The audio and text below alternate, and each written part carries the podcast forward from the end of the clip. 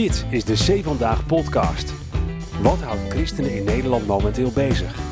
Luister naar onze nieuwsredacteuren Jeffrey Schipper en Patrick Simons.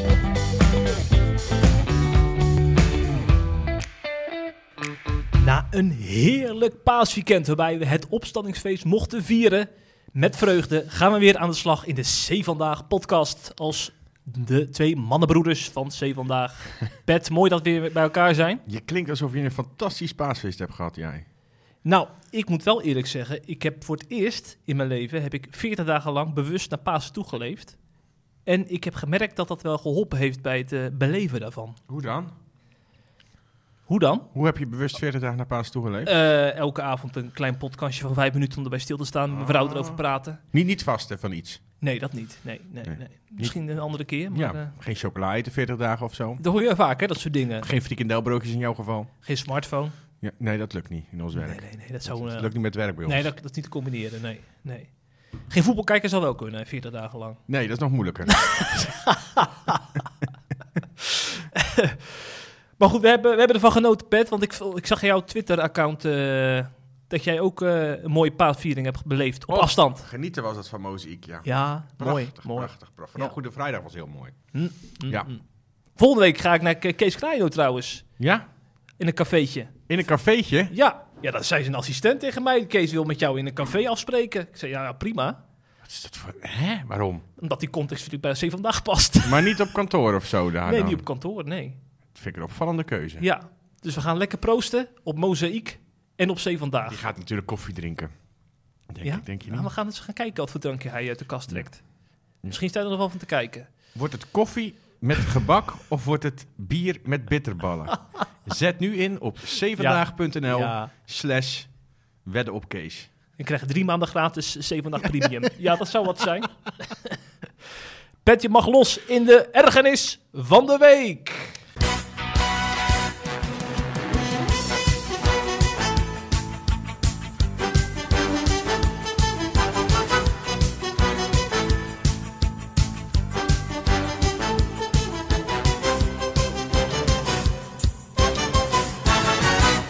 Refereerde net natuurlijk al naar Pasen, Jeffrey. Ehm, wat we afgelopen weekend uitgebreid gevierd hebben. In ieder geval wij twee en heel veel andere christenen. Maar heel veel mensen ook niet. Althans, eh, niet op de manier zoals eh, wij het doen. Eh, wat blijkt namelijk, steeds minder Nederlanders die weten wat Pasen betekent... en wat we eigenlijk vieren tijdens dat feest. En toch, en daar zit mijn ergernis, lijken de media in Nederland niet echt de behoefte te hebben om dat vervolgens uit te gaan leggen. Waarom zeg ik dit? Ehm, vorige week of de week ervoor is Ramadan begonnen. Eh, en ik zie elk jaar eh, op NOS, eh, NOS Jeugdjournaal bijvoorbeeld heel uitgebreid, maar ook op andere kanalen van de NOS en andere omroepen en andere televisies, radiostations, kranten. hebben ze allemaal de behoefte om uitgebreid te gaan uitleggen wat de Ramadan inhoudt, wat het suikerfeest inhoudt. Ook bij andere islamitische feestdagen zie ik het. En bij Pasen heb ik het niet gezien. Ik ging dus, ik heb kranten bekeken. In bepaalde christelijke kranten natuurlijk wel, dat is natuurlijk logisch. Ehm, maar in heel veel niet-christelijke kranten, sommige wel hoor, maar nauwelijks aandacht voor Pasen als in wat het feest betekent. Hè? Wel aandacht voor paaseieren, voor de paashaas, voor paasvuren, eh, voor de paus en de bloemen van de paus dan voornamelijk, want die komen uit Nederland. Gaat natuurlijk altijd weer om Nederland. Ehm, maar niet voor de betekenis van het Pasen. En dat heeft me enorm gestoord. Dus ik dacht, zondag, ik ga eh, klaarzitten voor het NOS Journaal om 6 uur.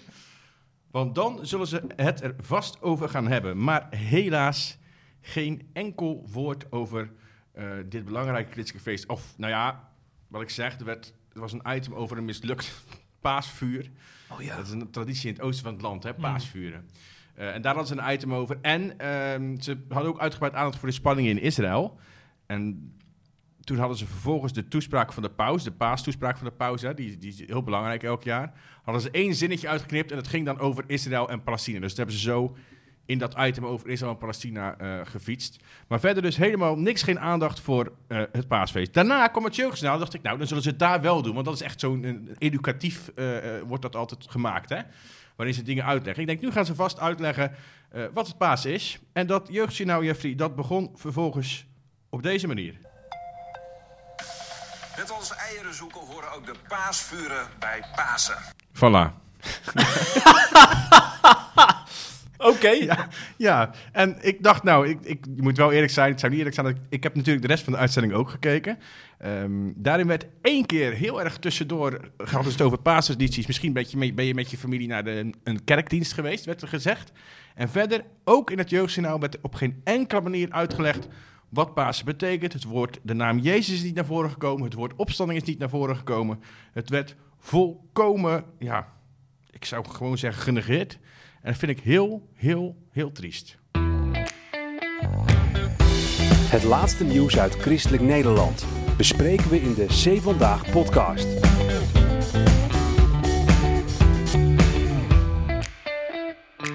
Over triest gesproken, Jeffrey.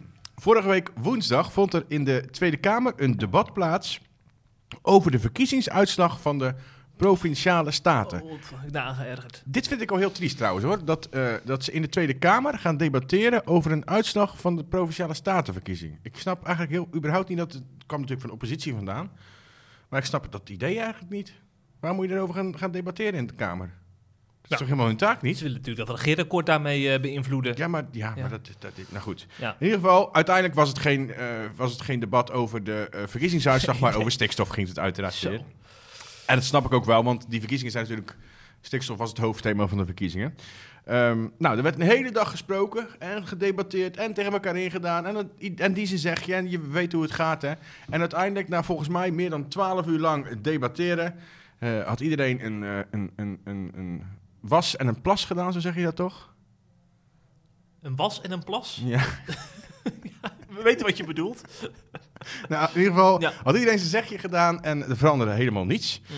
Eh, er werd nog wel een motie van wantrouwen ingediend. Die kreeg van vrijwel alle oppositiepartijen steun. Maar uiteraard, eh, het kabinet, de kabinetspartij, de coalitiepartij steunde die niet, waarmee er een meerderheid hem gelijk niet steunt. Inclusief ChristenUnie is dat. En ook de SGP steunde die motie van wantrouwen niet. Hij werd ondertekend overigens door GroenLinks, PvdA, BBB, PVV, Pieter Omzicht, DENK en Partij van de Dieren. Maar ehm, nou ja, ze hadden dus geen meerderheid. 76, want het was een hoofdelijke stemming. Hè? Dus dan gaan Kamerleden niet per partij, maar per, echt, echt per Kamerlid. En er waren 76 stemmen tegen en 59 voor. De rest onthield zich van stemming of was niet aanwezig. Ehm, nou, ik, ik weet niet of jij dat debat gekeken hebt. Ja, ik heb het gezien, ja. Nou, Ik heb me echt, ik heb me ook over SGP verbaasd, want ik, SGP is altijd heel kritisch, hè? Ook nu weer waren ze heel kritisch, maar vervolgens eh, steunen ze dan niet die motie van wantrouwen. En dan zei Ja. Kees van der Staaij, die zei daarover, ehm, het licht staat op oranje. Pas wel bij de SGP, Oranje. Ja, maar niet op rood dus. En dus stemden ze tegen die motie. En wat ik opvallend vond, is dat eh, eh, de voorzitter, de landelijke voorzitter van SGP Jongeren, Ja. die ging daar tegenin op Twitter. Eh Rodi van Heijst is dat, hè? Die, die hebben we ook op onze borrel laatst gezien. Ja, leuke gast is dat. Hele leuke jongen. slimme jongen ook. Maar die, die ging dus tegen... dat zie je niet vaak bij de SGP, hè? Nee. Dat nee. ze tegen de eigen, Ja. eh, eigen landelijke partij ingaan. ja. En hij, hij schreef op Twitter namelijk hierover... Verkeerde keuze van de SGP. In het verkeer betekent een oranje licht stoppen. Tenzij je dat redelijkerwijs niet meer kunt. Het kabinet schuift zaken al maanden vooruit, regeert niet... en weigert provincies de duidelijkheid te geven waar ze om vragen. Nou, dat is heel duidelijk, hè? Die wil gewoon stekken eruit. Hmm. Hey, en, maar ik, ik vind het wel interessant om, om even over die de houding van de christelijke partijen eh, te praten. Ehm, want hoe sta jij erin over SGP? Nou, eh, ik moest denken aan dat moment in 2021 eh, bij het omzichtdebat, weet je wel? Van eh, eh, dat, dat briefje van Ollengren was dat. Functie, functie elders. Functie elders debat, inderdaad. Toen heeft de SGP die motie van wantrouwen wel ondertekend. En toen dacht ik van ja, lijkt mij dan logisch, in, in, met het oog daarop, dat je nu weer een motie van wantrouwen ondertekent. Want nu impliceer je eigenlijk dat je het vertrouwen van Rutte terug hebt herwonnen. Ja, terwijl het eigenlijk alleen maar slechter is gegaan sindsdien. ik snap dat niet zo goed. Ja, nee, ik ben, ik, ik, het valt mij ook echt heel erg tegen. Ik- Kijk, want ik zie SGP continu kritisch zijn, hè? In, de, in de Kamer vooral. Maar ik val me ook de laatste nou, jaren, nou jaren is misschien overdreven, maar ook op dat ze een beetje eh, online ook op die tool gaan. Ik zie af en toe best wel populistische knip-plakfilmpjes langskomen van de SGP of tweets van bepaalde Kamerleden. Dat ik denk, nou, nou. Ja. Ja, nee, populistisch gewoon. Oké. Dat durf ik wel populistisch te doen. Bepaalde Ah, filmpjes. Alleen van Bisschop, toch? Nee, ook filmpjes wel hoor. Ja? Ja, hoor.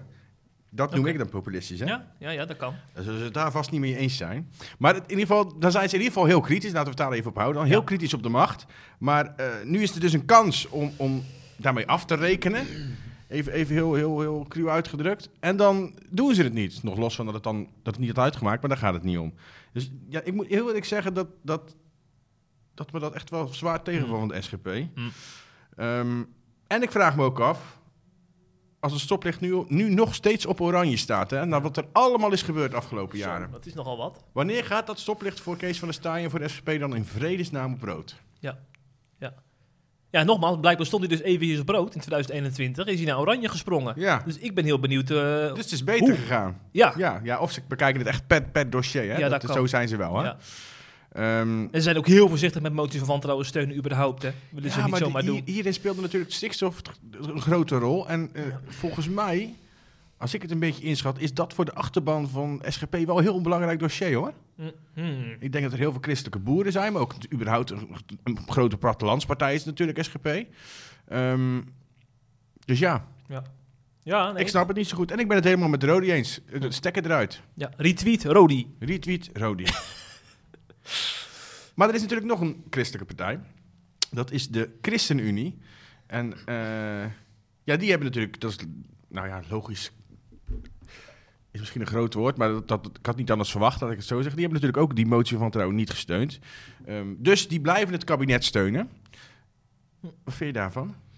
Nou, ik vind dat de ChristenUnie al een geloofwaardigheidsprobleem heeft sinds Segers eh zijn nooit meer met Rutte en daarop terugkwam. Dus dat is al een jaar of twee geleden. Ja, je bedoelt met kabinetsformatie toen. Ja, ja, Ja. dat hij zei, ik ga nooit meer in een kabinet stappen waar Rutte in zit. inderdaad. En twee maanden later zat hij in een kabinet met Rutte. Ja, ja, en hij komt er wel heel netjes op terug. Hij Goed zei eh, uitgelegd. dat hij niet op de man wilde spelen, Ja. maar eh, op de bal. Dat hij gewoon de verkeerde inschat had gemaakt Ja. in eerste instantie. Ja, maar toch, die, het kleeft aan die partij. En ik merk ook eh, dat ik het gewoon niet meer weet wat ik aan de CU heb. Als zij kritisch zijn op Rutte, dan denk ik van ja, maar wat heb ik er in de praktijk aan als je nu mooie woorden spreekt en je zo stemt? Ik, ik, ik kan het niet met elkaar rijmen. Nee. Want jij was altijd wel ChristenUnie-fan, toch? Eh, ik heb, eh, ja, ik heb toen, toen we nog, weet je nog dat wij eh, ooit op, op Hives zaten met z'n allen? Hives? Ja, ja. Had ik- krabbelen. Krabbelen. daar, toch? Ja, Zo heette dat toch? Ja. ja. Toen, toen, toen stond ik ook bekend als eh ChristenUnie-mannetje. Want ik had, ik had wel eens een positieve opmerking over de CU op Hives. Ze was Ja. er niet volwassen, zeker. Nee, nee, bepaald niet. Nee. Nee, weet, je- weet je wat ik, wat ik een beetje bij de CU heb? Ehm, ik zie ze elke keer ehm, heel erg strijdvaardig bepaalde kreten uiten. Dat gaat Oh, dan ja. over gerechtigheid, over eh, vrede voor de samenleving, over vrede zoeken, over opkomen voor de zwakkeren, voor de armen, voor degenen die het minder hebben. Gesprek aan de keukentafel voeren. Precies. Daar word ik echt al jaren mee om de oren geslagen door de ChristenUnie. Klinkt prima overigens. Maar vervolgens, hoe je het ook wendt of keert, ze blijven nu een kabinet steunen en bewindspersonen overeind houden. Die wat mij betreft juist symbool staan voor het bevorderen van ongelijkheid. Die eh, symbool staan voor het in de steek laten, sterker nog, dieper in de grond trappen van mensen die het al moeilijk hebben. Ehm, die vooral bezig te zijn bezig lijken te zijn met hun eigen, eigen positie in plaats van met de samenleving. Ik bedoel, we hebben deze winter gezien, werden mensen letterlijk en figuurlijk in de kou gezet en laten staan door de, door de overheid. En dat is wat CU dus nog steeds blijft steunen. En ik kan dat dus niet rijmen met die kreten om van vrede, gerechtigheid, opkomen voor de kansarmen. Natuurlijk gaan ze dan zeggen, ja, ja, maar wij kunnen dan dat kleine beetje dat we kunnen doen in het kabinet. Nou ja, vooralsnog zie ik het zo dat je gewoon dat kabinet in stand houdt. Wat al die blunders heeft gemaakt in Groningen, de toeslagenaffaire. Alles behalve eh, eh, de ongelijkheid bestrijden, vind ik. Maar ja, hey, ze hebben iets voor het klimaat betekend. Ze gaan niet voor niks halveren in de Eerste Kamer, hè? Ja. Dus dat wordt ook wel gezien door de achterban Ja, inmiddels. daar ben ik ook bang voor. Ja. Ja, ja, ja. Zonde. ja, jammer. Jammer. Want het, eh, als, je, als je het hebt over betaalbare politici, ze staan altijd in de top 5, hè? Carola Schouten, Arie Slob toen hij nog minister was. Ja, nu nog steeds? Ja, ik, ik weet, oh, eh, nee, nu weet ik niet. Maar zeg maar toen, toen eh, een vandaag nog peilingen deed in de tijd van, zeg maar niet dit kabinet, maar Rutte 3, zeg maar. Oh, maar Ze is het heel goed. Ja, maar ze zouden mij nog steeds... Als ik dat moet, daar cijfers aan moet geven, geef ik ze nog steeds een hoog cijfer. Ja. Ik geloof 100% in de oprechtheid van politici. Oh, ik ook. Van die Tweede Kamerleden en van, van bewindspersonen van de ChristenUnie. Dat is het probleem niet. Ik vind het alleen, denk ik, geen goede keuze om eh, dat ze in dit, niet in dit kabinet hadden moeten gaan zitten, denk ik. Ja.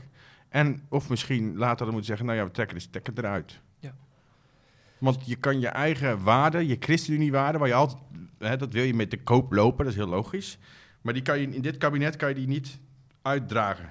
Sterker nog, dit kabinet draagt het tegendeel uit van de waarde van de ChristenUnie. En dat is denk ik het grote probleem. Hm. En dat is jammer, want dan gaat die partij eh aan onderdoor, ben ik bang. Overigens, ik, ik las, ehm, nu we het toch over politiek hebben, ik las laatst eh, een onderzoek van Maurice de Hond. Die had zeg maar, Oh ja. ehm, BBB heeft natuurlijk bij de provinciale verkiezingen enorm gewonnen. Eh, en die heeft eh, gekeken, ehm, die had een heel groot onderzoek naar waar alle stemmen nou precies vandaan komen. En dan had hij dus ook een, een, een variabel gemaakt met kerkgangers. Dus Oh ja. eh, waar de meeste kerkgangers op hadden gestemd. Dus dat was, dat was echt wel heel interessant. Ehm, en daaruit bleek dat ehm, als je alleen naar kerkgangers kijkt, en dan gaat het over mensen die vaker dan één keer per maand naar kerk gaan, eh, dan stemt 10% van die kerkga- kerkgangers heeft op BBB gestemd. Vind ik trouwens best wel een, een, een, hoog percentage. Maar wat nog opvallender is, is dat GroenLinks en PvdA onder die kerkgangers samen 15% van de stemmen heeft gekregen, hebben gekregen. 15? 15. GroenLinks 9% en PvdA 6. Dan ga je bijna denken dat ze alleen al in de PKN een peiling snap, hebben ja, gedaan. dat zou uiteraard de PKN zijn geweest. Ja. Ja. Daar ben ik heel bang voor. Daarbuiten zijn die- zijn die stemmers nog niet te vinden. Lijkt mij. Ja, dus ja, nou ja. Buiten de PKN? Ik denk dat Jan Wol- Wolsheimer ook wel GroenLinks heeft gestemd Oh, eigenlijk. ja, ja, precies. Ja. Je hebt natuurlijk ook nog wel... eh, Een groene beweging daarbuiten. ja, Ja, ja, ja, ja, ja, ja. Dus het is niet alleen maar het PKN.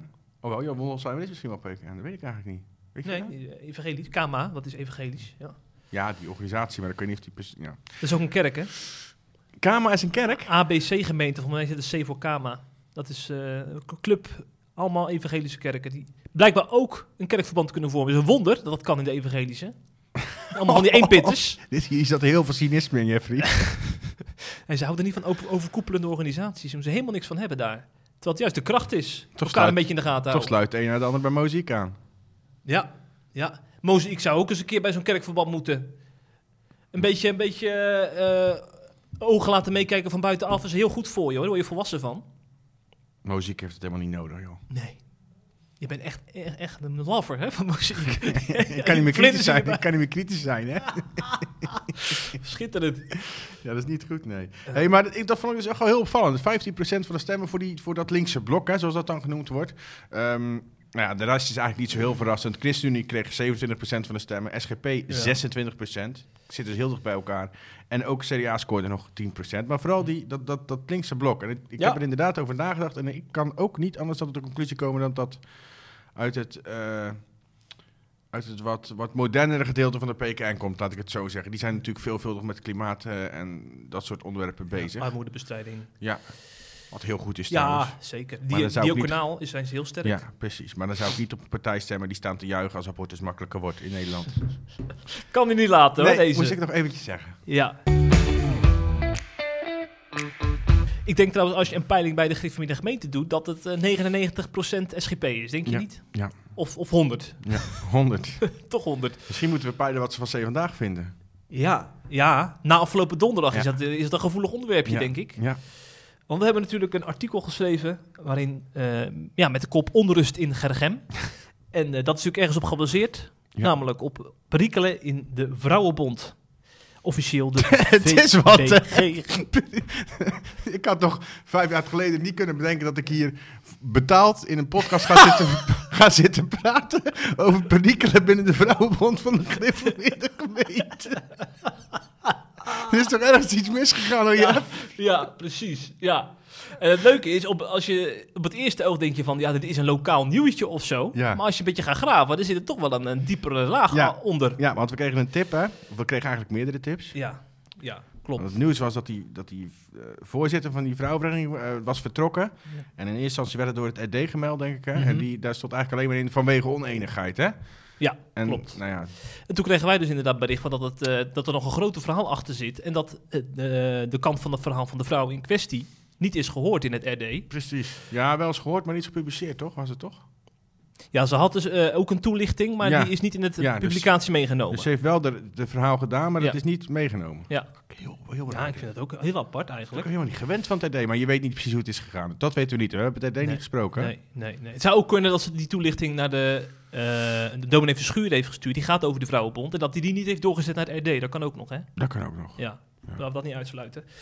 Maar in ieder geval, eh wij kregen dus de tip dat hij meer achter zat. En dan hoor je uit verschillende betrouwbare bronnen, zoals je dat netjes zegt, hè, eh, dat het begon met een lezing van dominee Schot, een gereformeerde gemeentedominee, bij, de, bij een eh, regioavond van de Vrouwenbond. En die heeft de bal aan het rollen gebracht. Want dominee Schot, dat is nogal een predikant. Ja. Die kan uithalen naar collega-dominees En naar journalisten. en een journalist. In dit geval naar dominee Simons, Ja. een PKM-predikant, Fantastische predikant trouwens. heel populair is eh, onder eh Revo-jongeren die vaak naar jij daar gaan en zo. Honderden jongeren door zijn prediking tot geloof gekomen. Ja, ja. Maar volgens dominee Schot predikt hij een algemene verzoening. En ehm, hij is ook te ruim in het aanbod van genade, hè? Ja, Eh, stel je voor dat de mensen tot geloof komen. ja. Moet En mevrouw Heikoop, die president, die heeft dat echt met eh, stijgende verbazing beluisterd. Mhm. Eh, na die lezing was er ook een, eh, een vragenronde. En ze heeft daarbij ook een aantal vragen ingediend. En, maar ja, je kan niet zomaar vragen stellen. Want dan krijg je dus een paar dagen later een belletje van... mevrouw, waarom hebt u die vragen gesteld? Dan worden de mensen een beetje argwanend. En, Het is wat, hè. Man, man, man. ja, Dit, ik, ik, vind dit, ik vind het bijna eng. Dat mensen vragen durven te stellen bij de leer van de GGM bedoel je? Nee, Of- dat, dat, dat er zo'n controle heerst dat als Ja. je vragen eh, stelt, oprechte vragen, Mhm. dat je dan gewoon eigenlijk op het matje geroepen wordt. Dat is Ja, dat komt het op eigenlijk. Nou, ik, ja, ik ja. wil het woord eigenlijk niet noemen, maar het is, daarom zeg ik bijna, heel duidelijk, bijna sectarisch. Ja, ja. En ook misschien goed om te weten, er zijn mensen, bronnen binnen de GGM die we gesproken hebben, die dat woord ook in de mond nemen. Hè? Dus het is niet zomaar een losse vlotte. Nee, nee. Meerdere, meerdere bronnen. Ja, Voor ja. niet dat we met één iemand eh, gesproken hebben die een beetje rancuneus is of zo. En misschien ook goed om uit te leggen waarom we met anonieme bronnen werken. Want als je in de GGM hardop zegt dat, eh, dat je vraagtekens hebt bij de leer en bij de prediking, nou, dan weet je wat er gebeurt. Dan staat er maandag bij jou een ouderling op de stoep om op gesprek te komen en word je met de nek aangekeken. Onder censuur.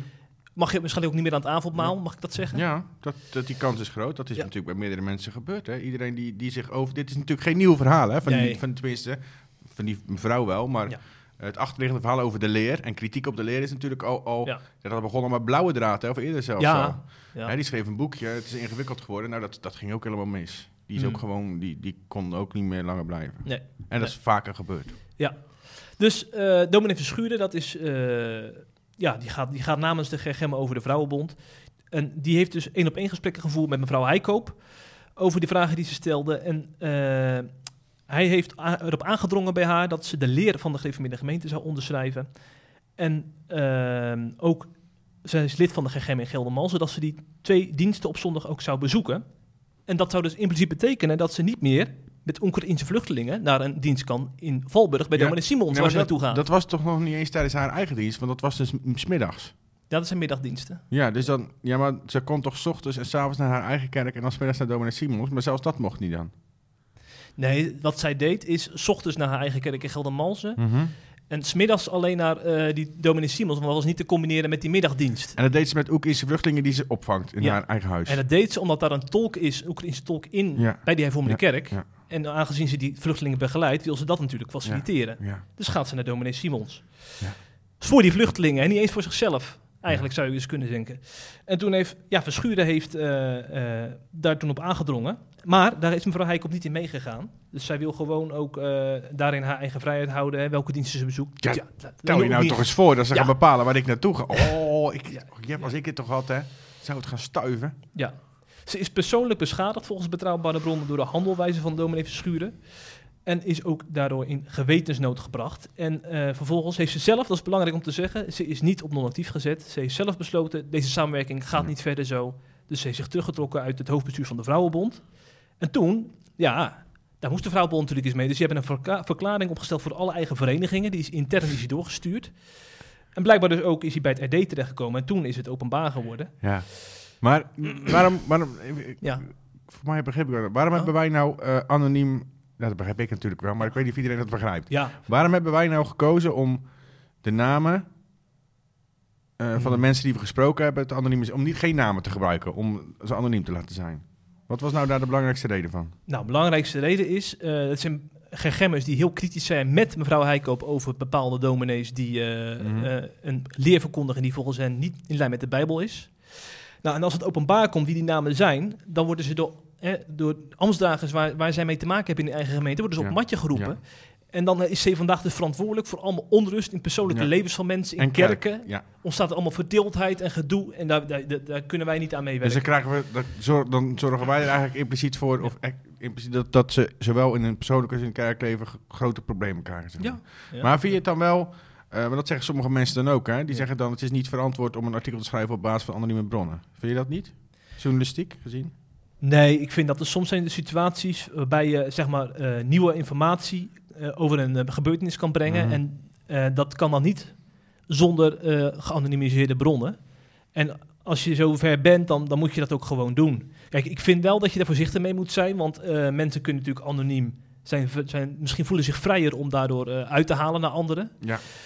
Eh, maar als je, het, eh, als je vier of vijf mensen hebt gesproken, dus niet eentje, Vier, dat is het, hè? dan vind ik al een heel verschil. Die, die ook niet direct eh, banden met elkaar hebben of ook lijntjes met elkaar. onafhankelijk van elkaar spreken. Precies, precies. Ja, ja, ja. Dan is het precies. En ik vind ook dat je als redactie zelf kan proeven wat de motivatie van die mensen is. Want mensen gaan er al heel gelijk, gelijk vanuit van die ano- geanonimiseerde mensen die, die willen mensen zwart maken of die willen... Integendeel in dit geval. uithalen. Integendeel. Ze waren heel voorzichtig. Ja, ja. Voor heel veel mensen was het een voorwaarde van eh, alsjeblieft eh, ga niet dominee Schot persoonlijk aanvallen, want Ja. anders krijg ik echt richting jullie gewetensnood. Ja, of ga, ga niet trappen, inderdaad. ja, ja, ja. Gebruik dit niet om richting een gegem te trappen. Dat verwijt krijgen we wel eens vaker trouwens. Best wel raar vind ik dat. Ja, ook omdat we over het curatorium natuurlijk wel Ja, berichten. maar ja, In dat we over zin. dingen berichten die kritisch over Hm. berichten betekent toch niet trappen. Dat doen we toch over elke kerk. We hebben toch ook kritisch Ja. berichten over dingen in de PKN of in de CGK of, of in evangelische kerken, frontrunners.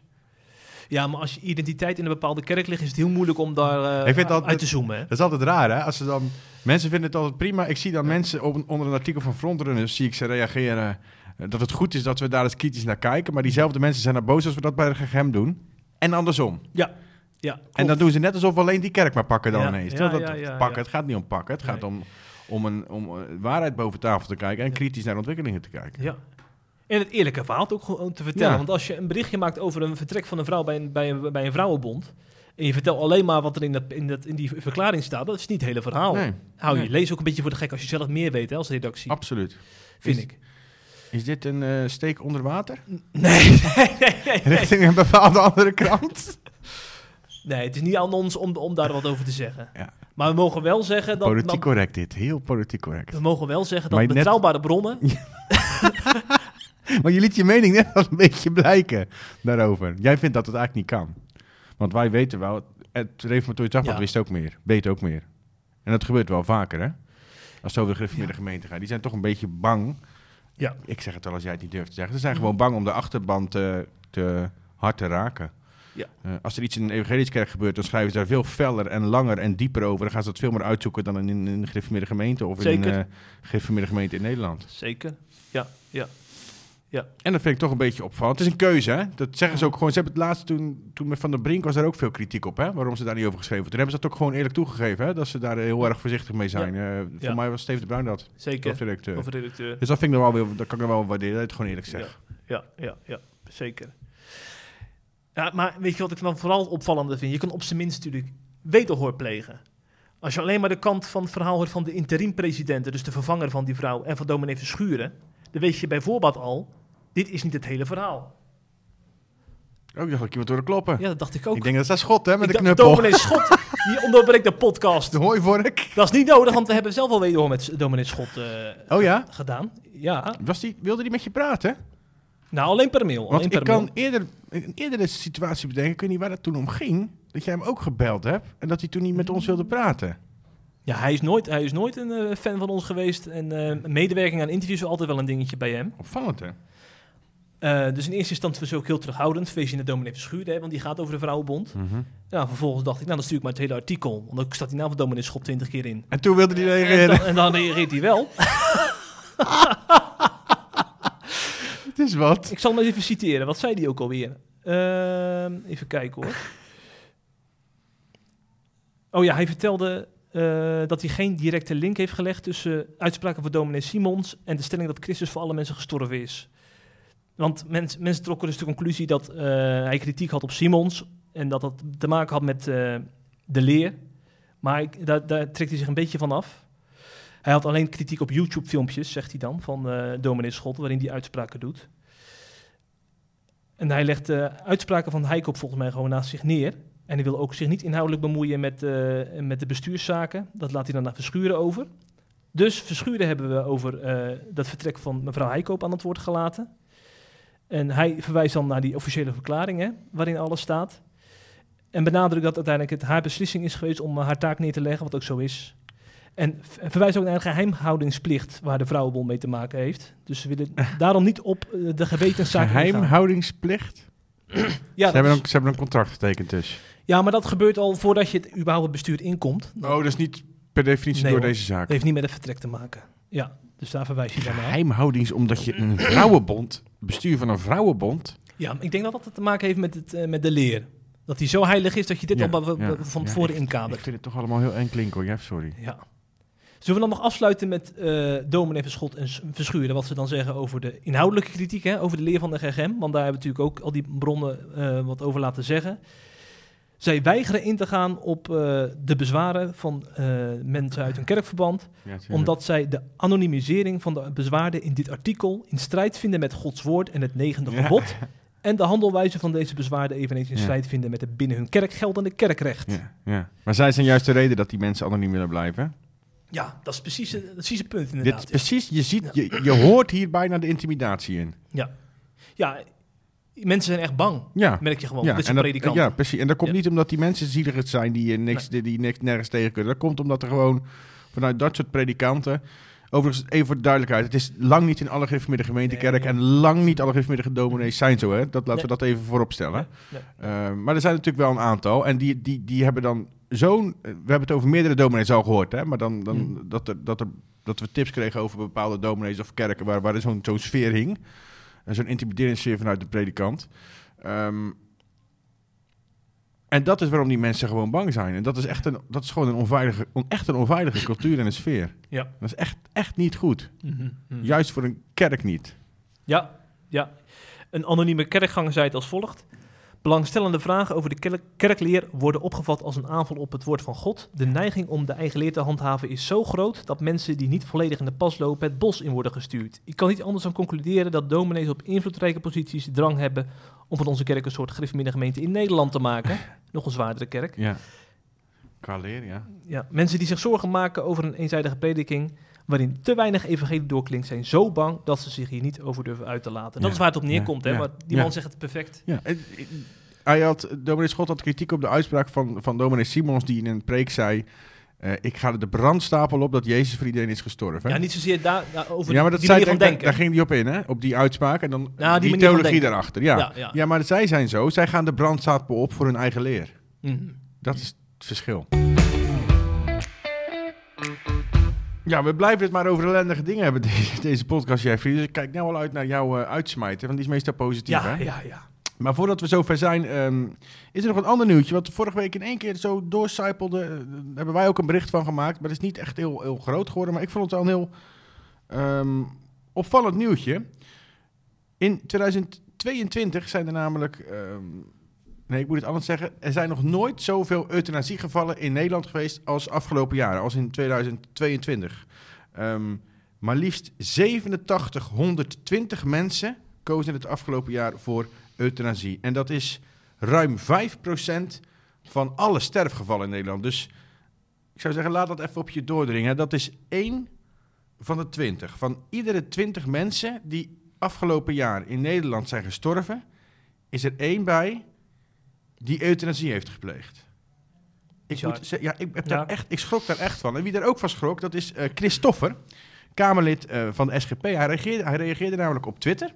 En hij zei, nog nooit eerder, hij schreef, nooit eerder stierven zoveel mensen door euthanasie. En ik ben bang dat als we niet naar de achterliggende pijn kijken, dit aantal alleen maar hoger wordt. Achter dit kille cijfer gaat namelijk een zorgwekkende ontwikkeling schuil. Eenzaamheid, het gevoel dat je tot last bent bij anderen, psychische problemen.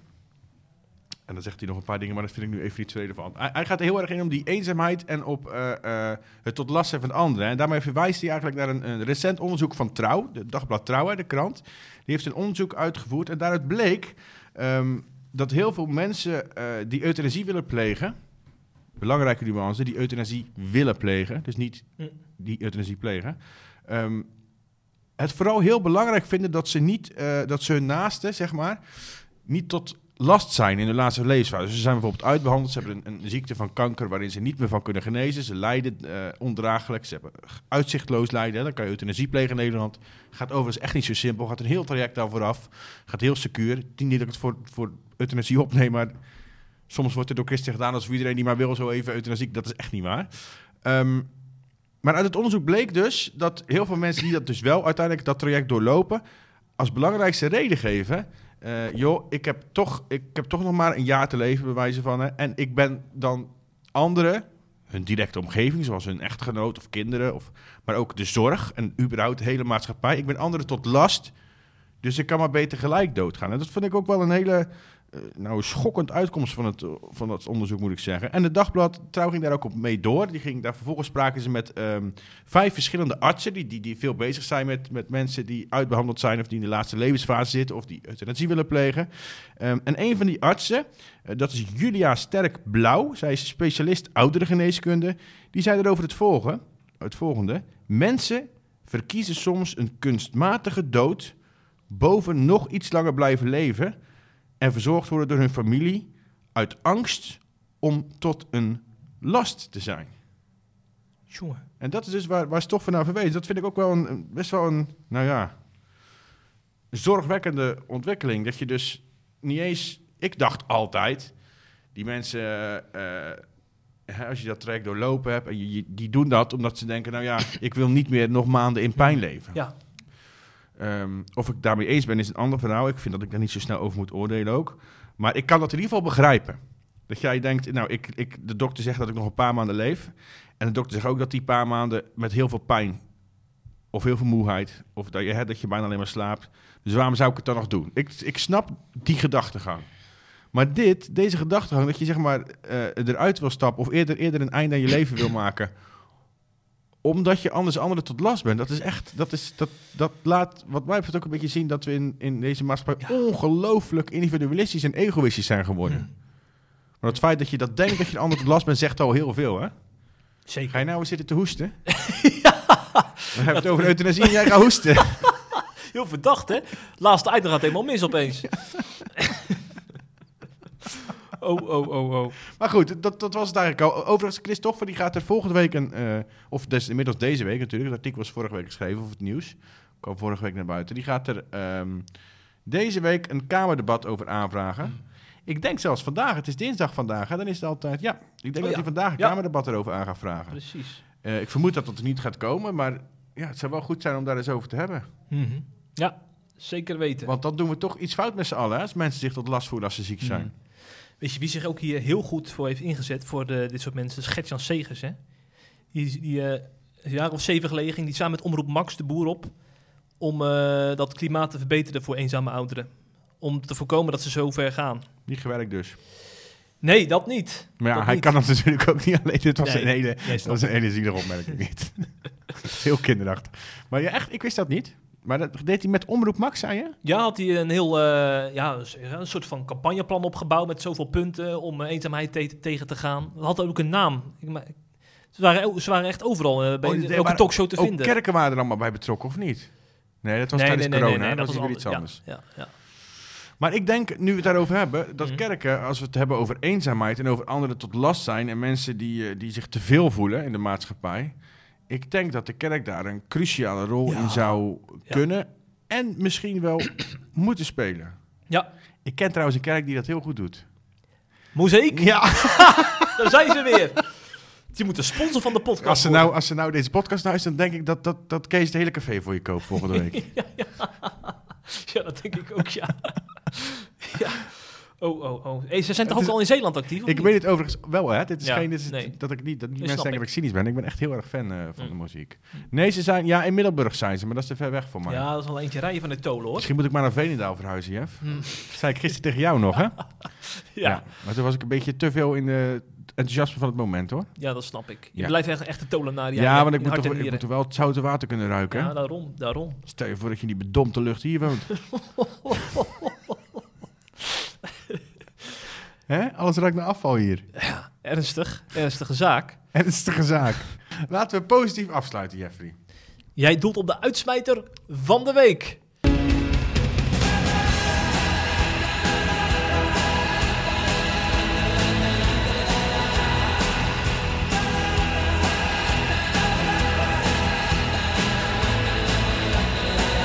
Ja, zo'n leuke rubriek. Op een of andere manier. Ik kan ook helemaal mijn hart ophalen. Ik vind het wel een beetje naar dat Ja. ik nou zeg maar elke keer de zuurpruim ben, doordat ik altijd de ergernis heb. En jij bent dan altijd de positieve jongen. Terwijl in het echte leven is het precies andersom. Ja, ja, ja, ja. Een en al positiviteit straal je uit. Eén brok Het positiviteit. zonnetje in huis, hè? Het zonnetje. en Iedereen wordt vrolijk als ik binnenkom ja, lopen. Ja, ja. Ze worden alleen van de werk afgehouden. ja, inderdaad, ja.